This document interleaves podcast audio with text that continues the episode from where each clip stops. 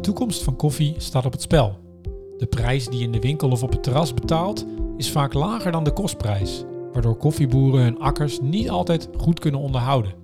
Laat staan dat ze kunnen investeren in duurzaamheid. Gelukkig is de koffiemarkt enorm in beweging met allerlei MKB-bedrijven die wel een eerlijke prijs rekenen. In deze aflevering spreken we twee vertegenwoordigers van die bedrijven. Lotje Kaak, Sourcing and Development Manager bij Fairtrade Original, en Maarten van Keulen van This Side Up Coffee. Het verhaal van is een podcast van MVO Nederland. Mijn naam is Michel van Kats.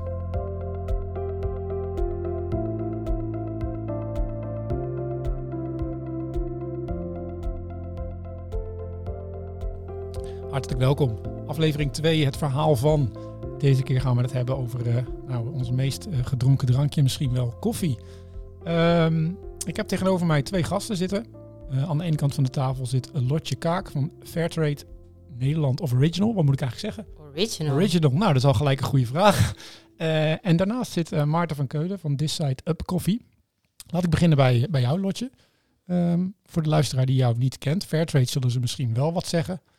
Um, kun je kort even voorstellen, wie, wie ben jij precies, wat doe je en wat heb je met duur, duurzame koffie? Yes. Uh, nou, mijn naam is Lotje. Werk dus voor uh, Fairtrade Original, belangrijke nuance. Um, dat doe ik nu ongeveer zes jaar. Uh, ik werk hier als sourcing en development manager in koffie. Betekent dat ik samenwerk met alle boeren die onze koffie leveren. Uh, dat ik zorg dat we de juiste boeren vinden die de koffie aan ons kunnen leveren. maar voornamelijk kijken in de ketens. Waar liggen de uitdagingen? Waar kunnen we aan werken samen? Welke projecten kunnen wij um, daarin opzetten om onze missie te bereiken? En dat is een, uh, een leefbaar inkomen voor de koffieboeren waar wij mee werken. Mm -hmm. um, Fairtrade uh, Original, misschien nog even om uh, terug te komen op je vorige vraag, is een, een, andere organisatie van Fairtrade Nederland. Um, It's in the name.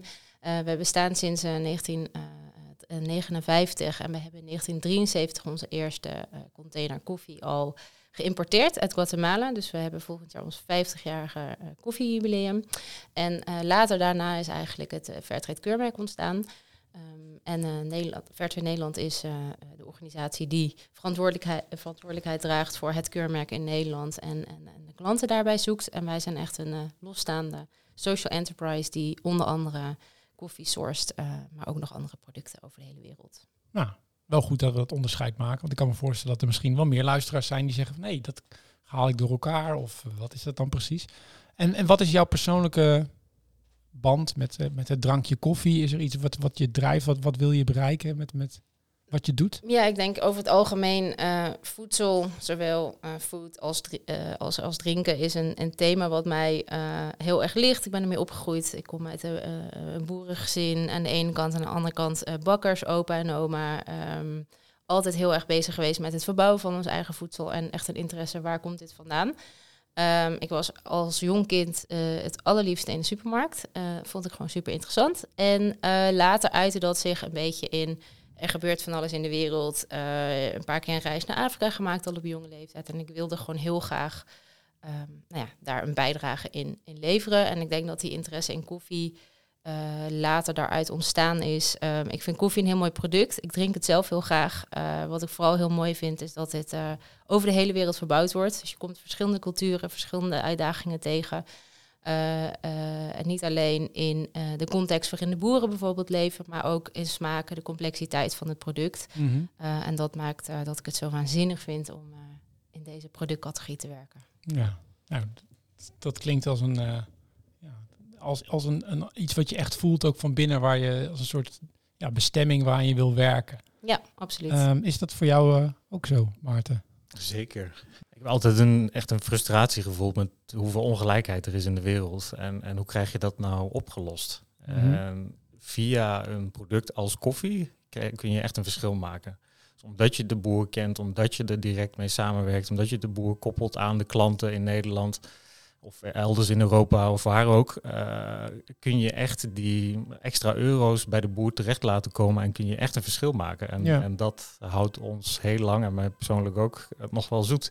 Ja. Uh, en dat is fantastisch om te zien wat je allemaal voor elkaar krijgt. Ja, ja want kun je misschien voor de, voor de, voor de ondernemer of de, uh, ja, degene die ook zit te luisteren, eens kort schetsen van hoe, hoe zit die koffiemarkt nu, nu in elkaar? Wat, is, wat, wat zorgt er dan voor die, voor die ongelijkheid bijvoorbeeld?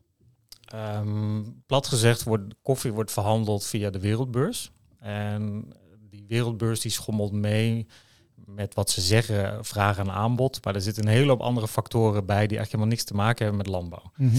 Ehm, dat is echt een tussenhandel waarbij de boer niet weet wie zijn klant is, zijn uiteindelijke klant, en de uiteindelijke klant niet weet waar het vandaan komt. En in die tussenhandel kun je dus heel veel geld verdienen. Dus als je tegen de boer niet zegt van oké, ik, ik, uh, ik ga dit verkopen voor 20 euro de kilo. En tegen de eindklant niet zegt ik heb dit eigenlijk gekocht voor 3 euro. Ja, die 17 euro die ertussen zit, dat verdampt. Uh, mm En wij proberen het helemaal open te breken. Ja, ja want dus, dus als jij in de supermarkt staat en er staan uh, een hele hoop, hele hoop goedkopere koffies. Wat betekent dat dan als je een hele goedkope koffie ziet voor, iemand die dat niet weet? Bepaalde merken ertussen zitten en het zijn er schrikbarend veel die onder kostprijs verkopen. Dus ik zie dan wat het daar kost en dan is het dus af. Dan is het dus al gebrand, het is al verpakt, het staat al in de supermarkt. De supermarkt heeft nog zijn marge erop. En dan denk ik, ja, die prijs, ik weet wat de boer, dus de boer in zeg Tanzania of Brazilië of Peru of noem maar een land, wat die nodig hebben. En dan denk ik, de, deze prijs af in de supermarkt is eigenlijk wat de boer alleen zou moeten hebben voor wat ze dan noemen het halffabrikaat, voor de ongebrande koffie. Dus daar gaat echt iets niet goed. Nee, nee en, die, en die boer, ik ga even een lotje toe. Wat heeft die boer, uh, waarom is die, die, die eerlijke prijs, noem ik het dan maar even, hè? dus een hogere prijs, waarom is dat zo belangrijk voor die boer en voor ook de toekomst van koffie? Want er wordt ook wel gezegd, de toekomst van koffie staat echt op het spel nu.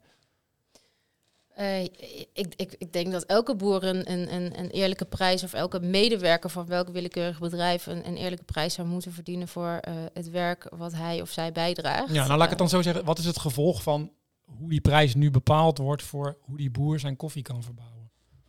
Nou, ik denk wat, wat Maarten ook al aangeeft, is dat koffie heel vaak onder kostprijs wordt uh, verkocht. En met de huidige stijgende prijzen zie je dat dat misschien goed nieuws voor de boer is, maar dat ook zij te maken hebben met, uh, uh, met stijgende kosten, waardoor ze uh, misschien net kunnen rondkomen, maar nooit kunnen investeren in de toekomst van hun bedrijf. Ze kunnen niet investeren in duurzame productiemethodes, in resistente koffiesoorten die beter om kunnen gaan met veranderingen van het klimaat, et cetera. Mhm. ja, dat is hartstikke hard nodig voor hen om, om die eh, die toekomst in te kunnen gaan. En, en dus ook voor ons, de, de, de consument, om, om koffie te kunnen blijven drinken. Ja, ja want zou je, zou je kunnen stellen, dus als wij nu niet dingen gaan veranderen, hè, want kijk, het klimaat verandert ook alleen maar door. Uh, die kostprijs is ja, heel wisselvallig en vaak te laag. Uh, zou je dan kunnen stellen dat, dat wij als koffiedrinkers op kantoor, thuis, misschien ook wel in de supermarkt, dat, dat het aantal koffiesoorten, wat gaat dat betekenen? Betekent dat dat we alleen nog maar bulk koffie kunnen kopen eigenlijk? Uh, uh, nou ja, ja, bijvoorbeeld. Ik denk de manier waarop heel veel koffieboeren genoodzaakt zijn door deze lage prijzen uh, om hun koffie te verbouwen, destructief zijn voor, mm -hmm. het, voor het klimaat, voor hun eigen omgeving, maar ook breder dan dat. En dus ook voor de koffieproductie. als we zo doorgaan met z'n allen, zie ik wel ja, serieuze problemen ontstaan. Ook in de, in de aanlevering van met name ook kwalitatieve koffie. Ja, ja. ja. En um Oké, dus, dus, dus we moeten. Dus, dus die eerlijke prijs van koffie. En dat is dus natuurlijk ook vaak wat duurdere prijs. Maarten, jij zei al dat hoeft niet, helemaal niet zoveel te zijn. Uh, ik weet niet meer precies wat je zei, maar volgens mij kun je er een schatting geven. Nou, het valt ons best wel goed mee. Weet je, het is, als je die keten helemaal openbreekt en laat zien wat iedereen verdient. Mm -hmm. Koffie, daar zitten best wel veel schakels in. Uh, altijd. Je hebt altijd een boer, je hebt altijd iemand nodig met een exportlicentie, je hebt dan het schip nodig, je hebt altijd wel een aantal schakels nodig. En, en die keten is zo opgebouwd dat eigenlijk niemand een, een hele dikke Ferrari kan rijden. dus op het moment dat dat gebeurt, gaat er al iets mis. Maar op het moment dat je het eerlijk verdeelt en iedere stap gewoon krijgt waar hij of zij recht op heeft, kom je best wel, hebben wij gemerkt, in de buurt van de prijzen die nu gangbaar zijn waar mensen aan gewend zijn. Of misschien een paar euro meer, maar echt niet zoveel. Maar als gevolg heb je dus wel betere kwaliteit. Weet je waar het vandaan komt. Je weet dat de kinderen naar school gaan. Je weet dat er wordt geïnvesteerd in duurzame landbouw. Je weet dat er wordt herbebost. Mhm. Je weet dat alles doe je goed. Dus eigenlijk het hele marketingpakket komt er gratis bij mee. Ja. Uh, ja het valt ons echt heel goed mee. Ja. Dus het is best wel een positief bericht. Ja.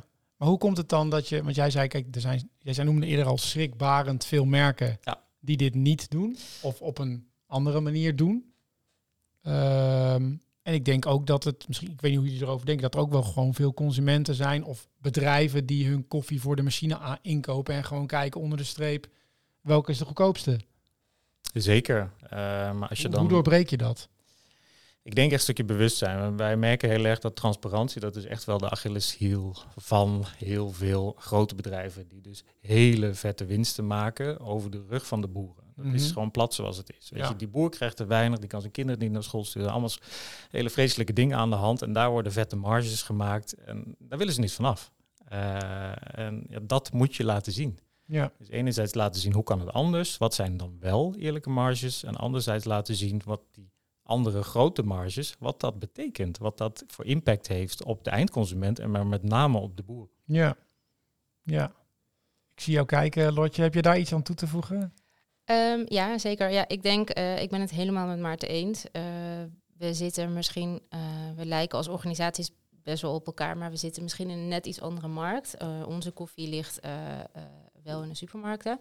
En daar heb je denk ik wel te maken met een ander soort consument dan de consument die naar een, een koffieshop om de hoek gaat en een hele kwalitatieve specialty koffie bijvoorbeeld koopt.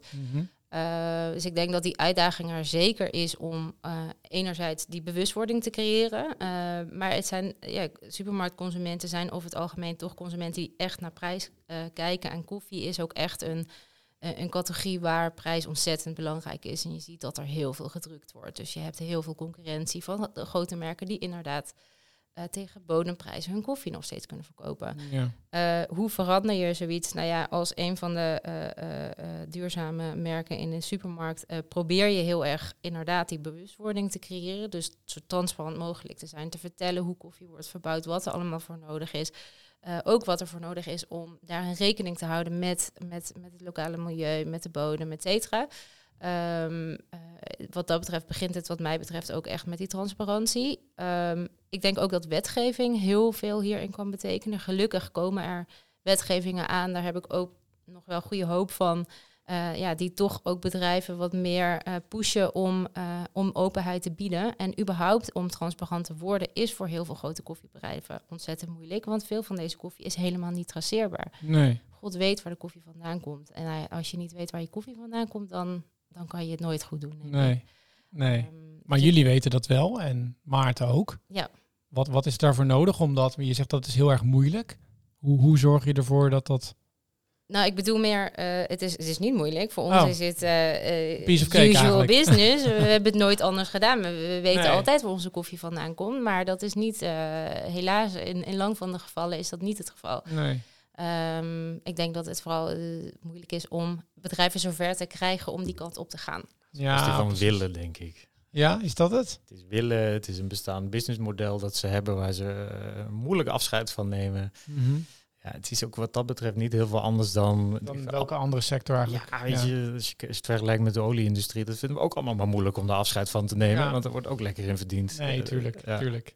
Money makes the world go round, hè? Ja, Oké, nou, ik wil eigenlijk even het stapje maken naar, eh, naar eh, de luisteraar, de, de, de ondernemer de, die een bedrijf heeft, eh, die een bepaalde koffie drinkt, die dus denkt ik ga eens een podcast luisteren over duurzame koffie.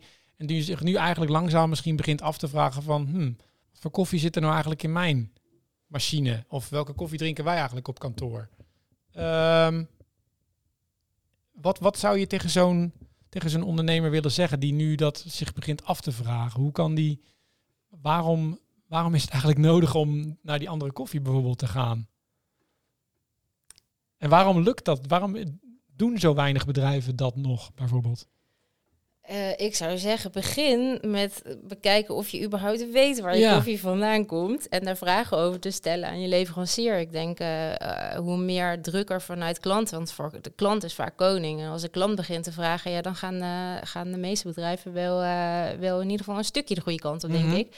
Uh, voor mij zou dat het begin zijn. Echt Ja. kijken, waar komt deze koffie vandaan? En kan mijn leverancier of uh, het bedrijf waar ik deze koffie van koop... kunnen zij mij meer vertellen hoe wordt die koffie verbouwd? Wat zit erin? Uh, werken, werkt dit bedrijf of werkt erin... zijn, zijn de, uh, de verschillende bedrijven die in de keten zitten aan het werken aan... bijvoorbeeld die duurzame landbouw Ja.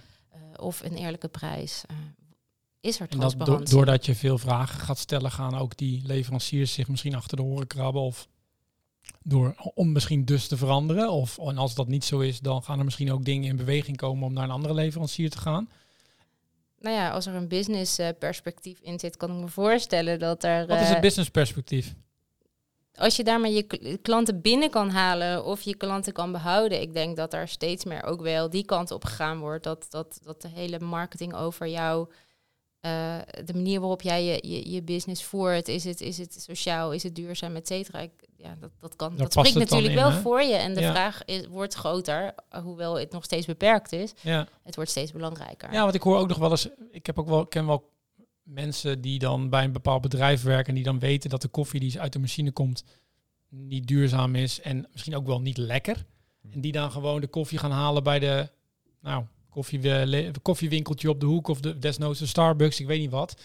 En dan gaan ze zelf betalen voor een koffie, omdat ze dat zo belangrijk vinden. En sterker nog, er zijn volgens mij ook steeds meer werknemers of potentiële werknemers die echt kijken naar van, hey, hoe heb je dit doorgevoerd in jouw bedrijf? En als jij geen goede koffie drinkt, is dat wel een teken, een onderdeeltje van dat hele plaatje. Zeker, zet ze maar goed onder druk, zou ik zeggen. Ja, Ja. en zeker in deze arbeidsmarkt natuurlijk, die nou, ook vrij onder spanning staat, kunnen we zeggen. En, en durf kritische vragen te stellen. Het is, het is, als je op de achterkant van een pakje koffie leest, Mhm. je leest er voorbij. Weet je, het is altijd eh, de Lush Green Mountains. Weet je, het is altijd een mooi verhaal over hoe prachtig het is waar die koffie vandaan komt. Is het überhaupt waar? Kun je dit verifiëren? Als je dat gaat googlen, wat er staat, waar kom je dan terecht? Kun je de prijzen eh, naar boven halen? eh, Hoe doen jullie dat? Wat staat er op jullie, jullie koffieverpakking? Ja. Hoe, hoe, hoe, hoe moet ik geloven dat wat jij op je verpakking zet, dat dat waar is? Nou, wij zijn eh, tussen persoon. Dus wij kopen de koffie in bij de plantages, bij de corporaties, of hoe je het noemen wil. En wij verkopen aan branderijen. Dus wij Mhm. verkopen aan merken. Dus wij proberen die merken waaraan wij verkopen echt te stimuleren om zoveel mogelijk te vertellen. Want wij weten heel veel. Wij laten dat zelf allemaal zien op de website. Mhm. Dus als waarschijnlijk eh, met, met eh, 99,9% zekerheid, als je dus op de achterkant van de koffie kijkt, van, van die, een van onze merken, dan kom je ergens wel een keer bij onze website terecht en dan kun je eindeloos doorlezen. Ja. En we proberen dat echt heel erg goed te doen, want er valt zoveel te vertellen. Maar is dan communicatie dus ook heel erg belangrijk? Dat je het op een bepaalde goede manier kunt vertellen, neem ik aan. Ja, zeker. En, en het vereist vanuit de consument een beetje een kritische eh, journalistenhouding. Ja. Kun je, dat van, niet kun je dat van alle consumenten verwachten? Nee, maar als je binnen een bedrijf één of twee mensen hebt, dan dat kan al best een hoop teweeg brengen. En Ja. Als die andere twee collega's het dan voor het brood doen, of weet ik veel, voor een ander product, dan, dan gaat het best hard. Kan je stap voor stap kan je, Ja. kan je toch veranderen, hè? Ja. ja. En hoe kun je nou, ehm, dus we zeggen eigenlijk van, als je, in je bedrijf voor de luisteraar, eh, als er maar twee, drie mensen zijn die deze vragen gaan stellen, misschien wel aan, de, aan je baas, je directeur, dat dat al dingen in gang kan zetten.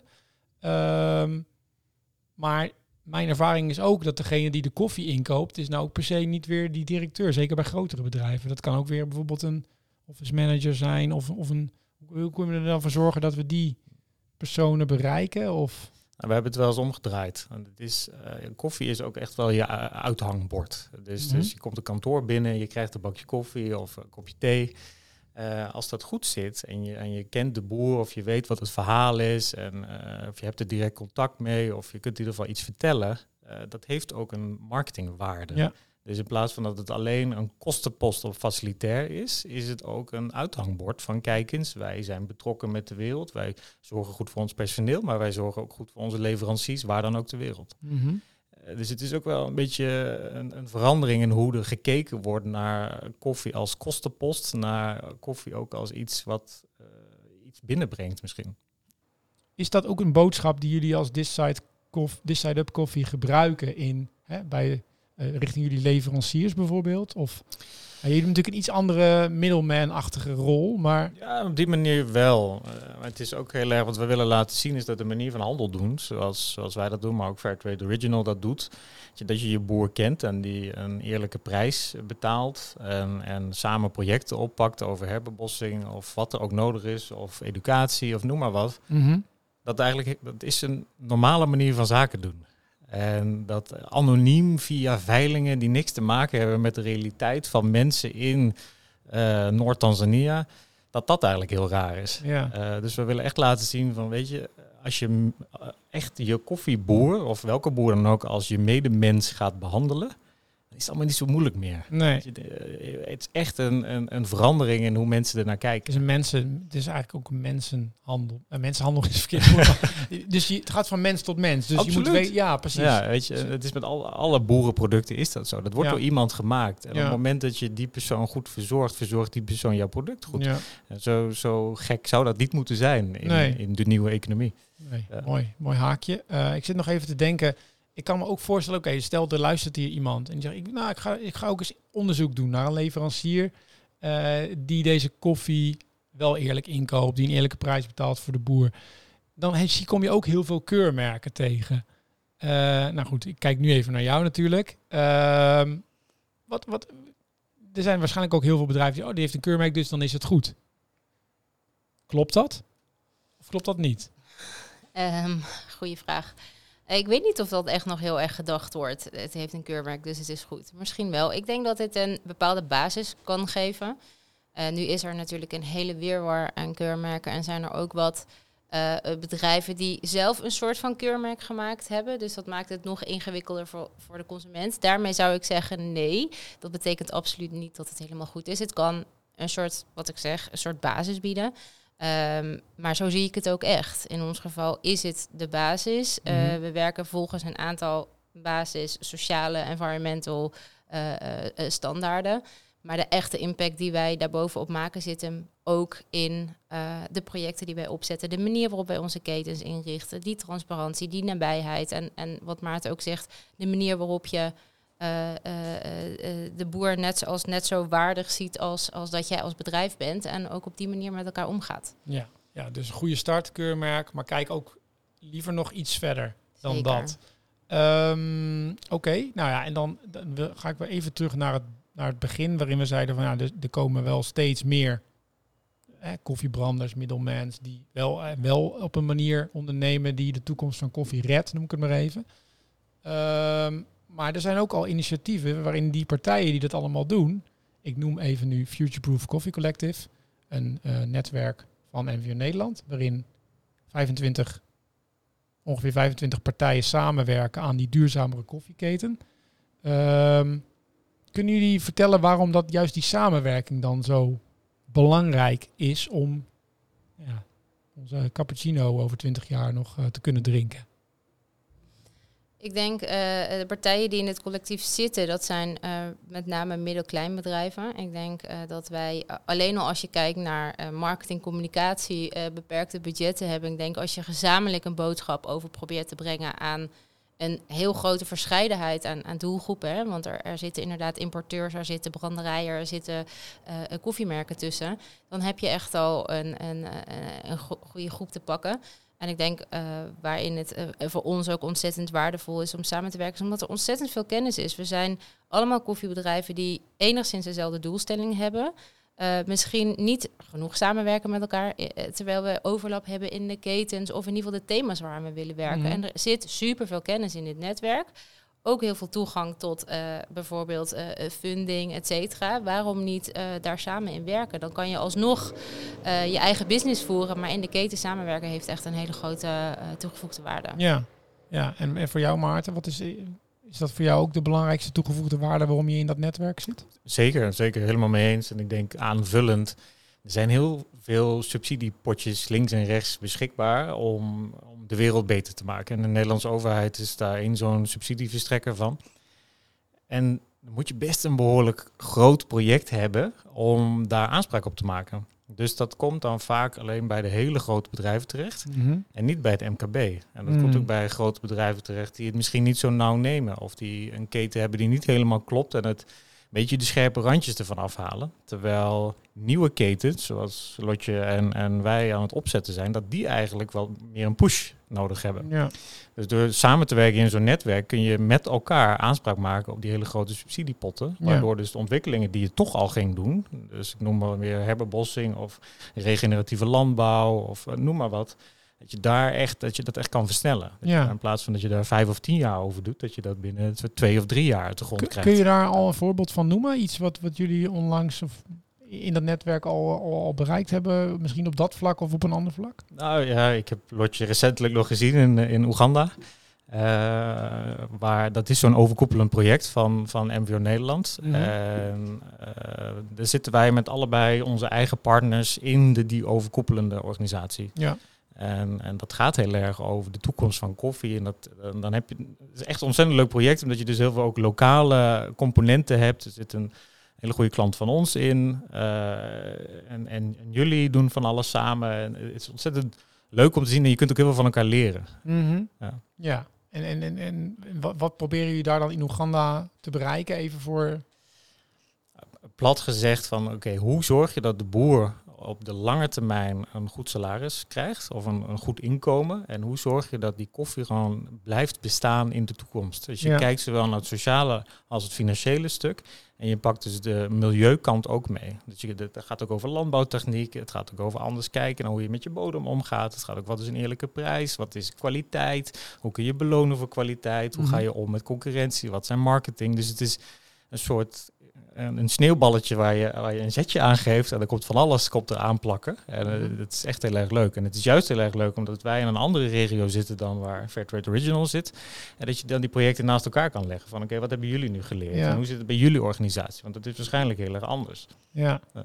Ja, en dat is dus, dus eigenlijk de kracht van netwerk, zeggen jullie, is juist die samenwerking. Dat je met z'n allen een grotere stem hebt. En dus heel erg van elkaar kan leren en ook elkaar misschien wel kan helpen. Zeker, ja. En zelfs ook, eh, ook lokaal, wat we zagen tijdens die reis. We waren dus ook met de lokale partijen. Met lokale partijen bedoelen we dus de, de, de boeren waar we mee werken. Eh, met elkaar op reis zijn geweest langs alle drie de groepen. En je zag dus ook dat er lokaal ontzettend veel kennis gedeeld is. Dus er werd op een bepaalde manier compost gemaakt met lokale producten waar een andere organisatie nog niks van wist. En daar gaan we nu met z'n allen op inzetten, omdat het zo'n succesverhaal is. Ja, ik denk dat daar heel veel kracht zeker in zit. Ja. En ehm, als jullie nou zo eens kijken wat jullie nou ja, een aantal jaren al aan het doen zijn. Eh, jullie voelen het eh, product in je hart. Jullie hebben er, eh, zijn ermee opgegroeid op allerlei kanten. Jullie zijn in een netwerk bezig. Jullie bezoeken de boeren. Hoe, hoe zien jullie de toekomst van koffie? Hoe ziet, die? Hoe, hoe ziet de koffiewereld er over een jaar of tien uit? Ik 20. ben, ik ben toch voorzichtig hoopvol. Ik ben optimistisch ingesteld. Eh, het heeft denk ik ook geen zin om, om, om te denken, het gaat helemaal de verkeerde kant op. Ja, ik kan echt wel af en toe gefrustra- gefrustreerd raken als ik zie voor wat voor prijzen eh, producten in de markt liggen. Of eh, als mensen klakkeloos iets kopen zonder er ook maar over na te denken. Dat wil ik ook gewoon heel graag veranderen. Maar ik denk wel dat we op de juiste weg bezig zijn. Mhm. En niet wij alleen. Ik denk dat er heel veel andere bedrijven zijn die echt op de goede manier bezig zijn. En ik denk dat het echt een kwestie van schaal is.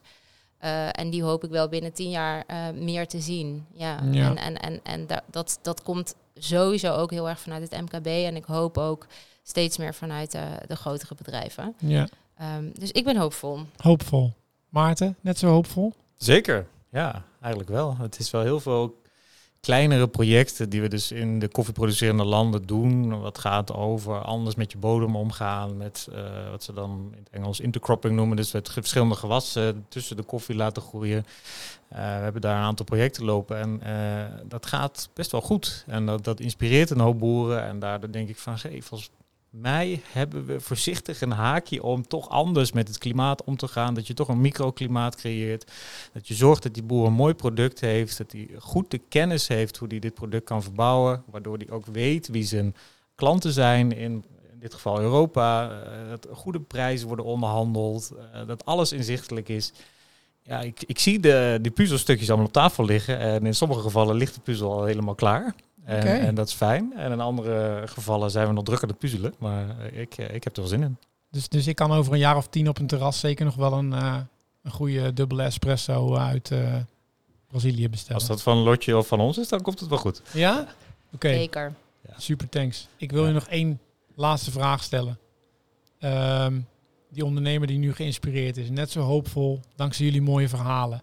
Wat moet hij nou morgen doen? Als hij nou één ding is, één stap kan zetten richting die duurzamere koffie in zijn bedrijf. Ik vraag het nu even aan Maarten. Wees kritisch. Eh, stel vragen. Uh, kijk, wat, wat heb je in je keukenkastje staan? Wat heb je op kantoor? Uh, als je het gemeentehuis binnenkomt, wat wordt daar dan geserveerd? Weet je, waar komt die koffie vandaan? Zijn die mensen bekend? Zijn die mensen in beeld? Wat kregen ze dan betaald? Hoe gaan ze ja. om met hun milieu? Wees die, zoek die kritische journalist in jezelf. Ja, precies. Ja. Precies, de Willy Bord opzoeken. Absoluut. Ja. Ja, aanvullend. Ik denk ook leer uh, uh, van de goede voorbeelden die er al zijn. Dus neem contact op. Neem contact op met mij. Neem contact op met Maarten. Neem contact op met MVO Nederland of het Futureproof Coffee uh, project. Ik denk wat, wat ons verbindt is dat we ook super open zijn in wat we doen. We staan er allemaal achter en we willen heel graag delen en een, een, een voorbeeldrol opnemen. dus alsjeblieft, benader ook inspirerende voorbeelden ja. en probeer ervan te leren. Beter goed gejat. Super. En als je het dan echt niet meer weet, uh, ga naar futureproofcoffeecollective.nl. Daar je, kun je een e-mailcursus uh, downloaden. Krijg je in vijf stappen, stap voor stap uitgelegd hoe je naar duurzamere koffie in je eigen bedrijf gaat. Maar makkelijker kan het niet. Maarten, Lotje, ik wil jullie eigenlijk uh, enorm bedanken voor jullie enthousiasme. En het geeft mij ook weer hoop. En ik denk dat ik morgen met een nog beter gevoel mijn bakje koffie naar binnen zal drinken. Heel goed. Dankjewel. Dankjewel. Thanks. Dit was het verhaal van duurzame koffie. Dank voor het luisteren. MVO Nederland richtte in 2018 het Futureproof Coffee Collective op. Het enige netwerk van koffieproducenten, importeurs, branders en retailers dat samen strijdt voor de toekomst van koffie. Ga naar www.futureproofcoffeecollective.nl om te zien wat we in dat netwerk doen. En meld je daar meteen aan voor een gratis crashcourse die je in vijf praktische stappen helpt naar duurzame koffie in jouw bedrijf. Wat wordt jouw verhaal?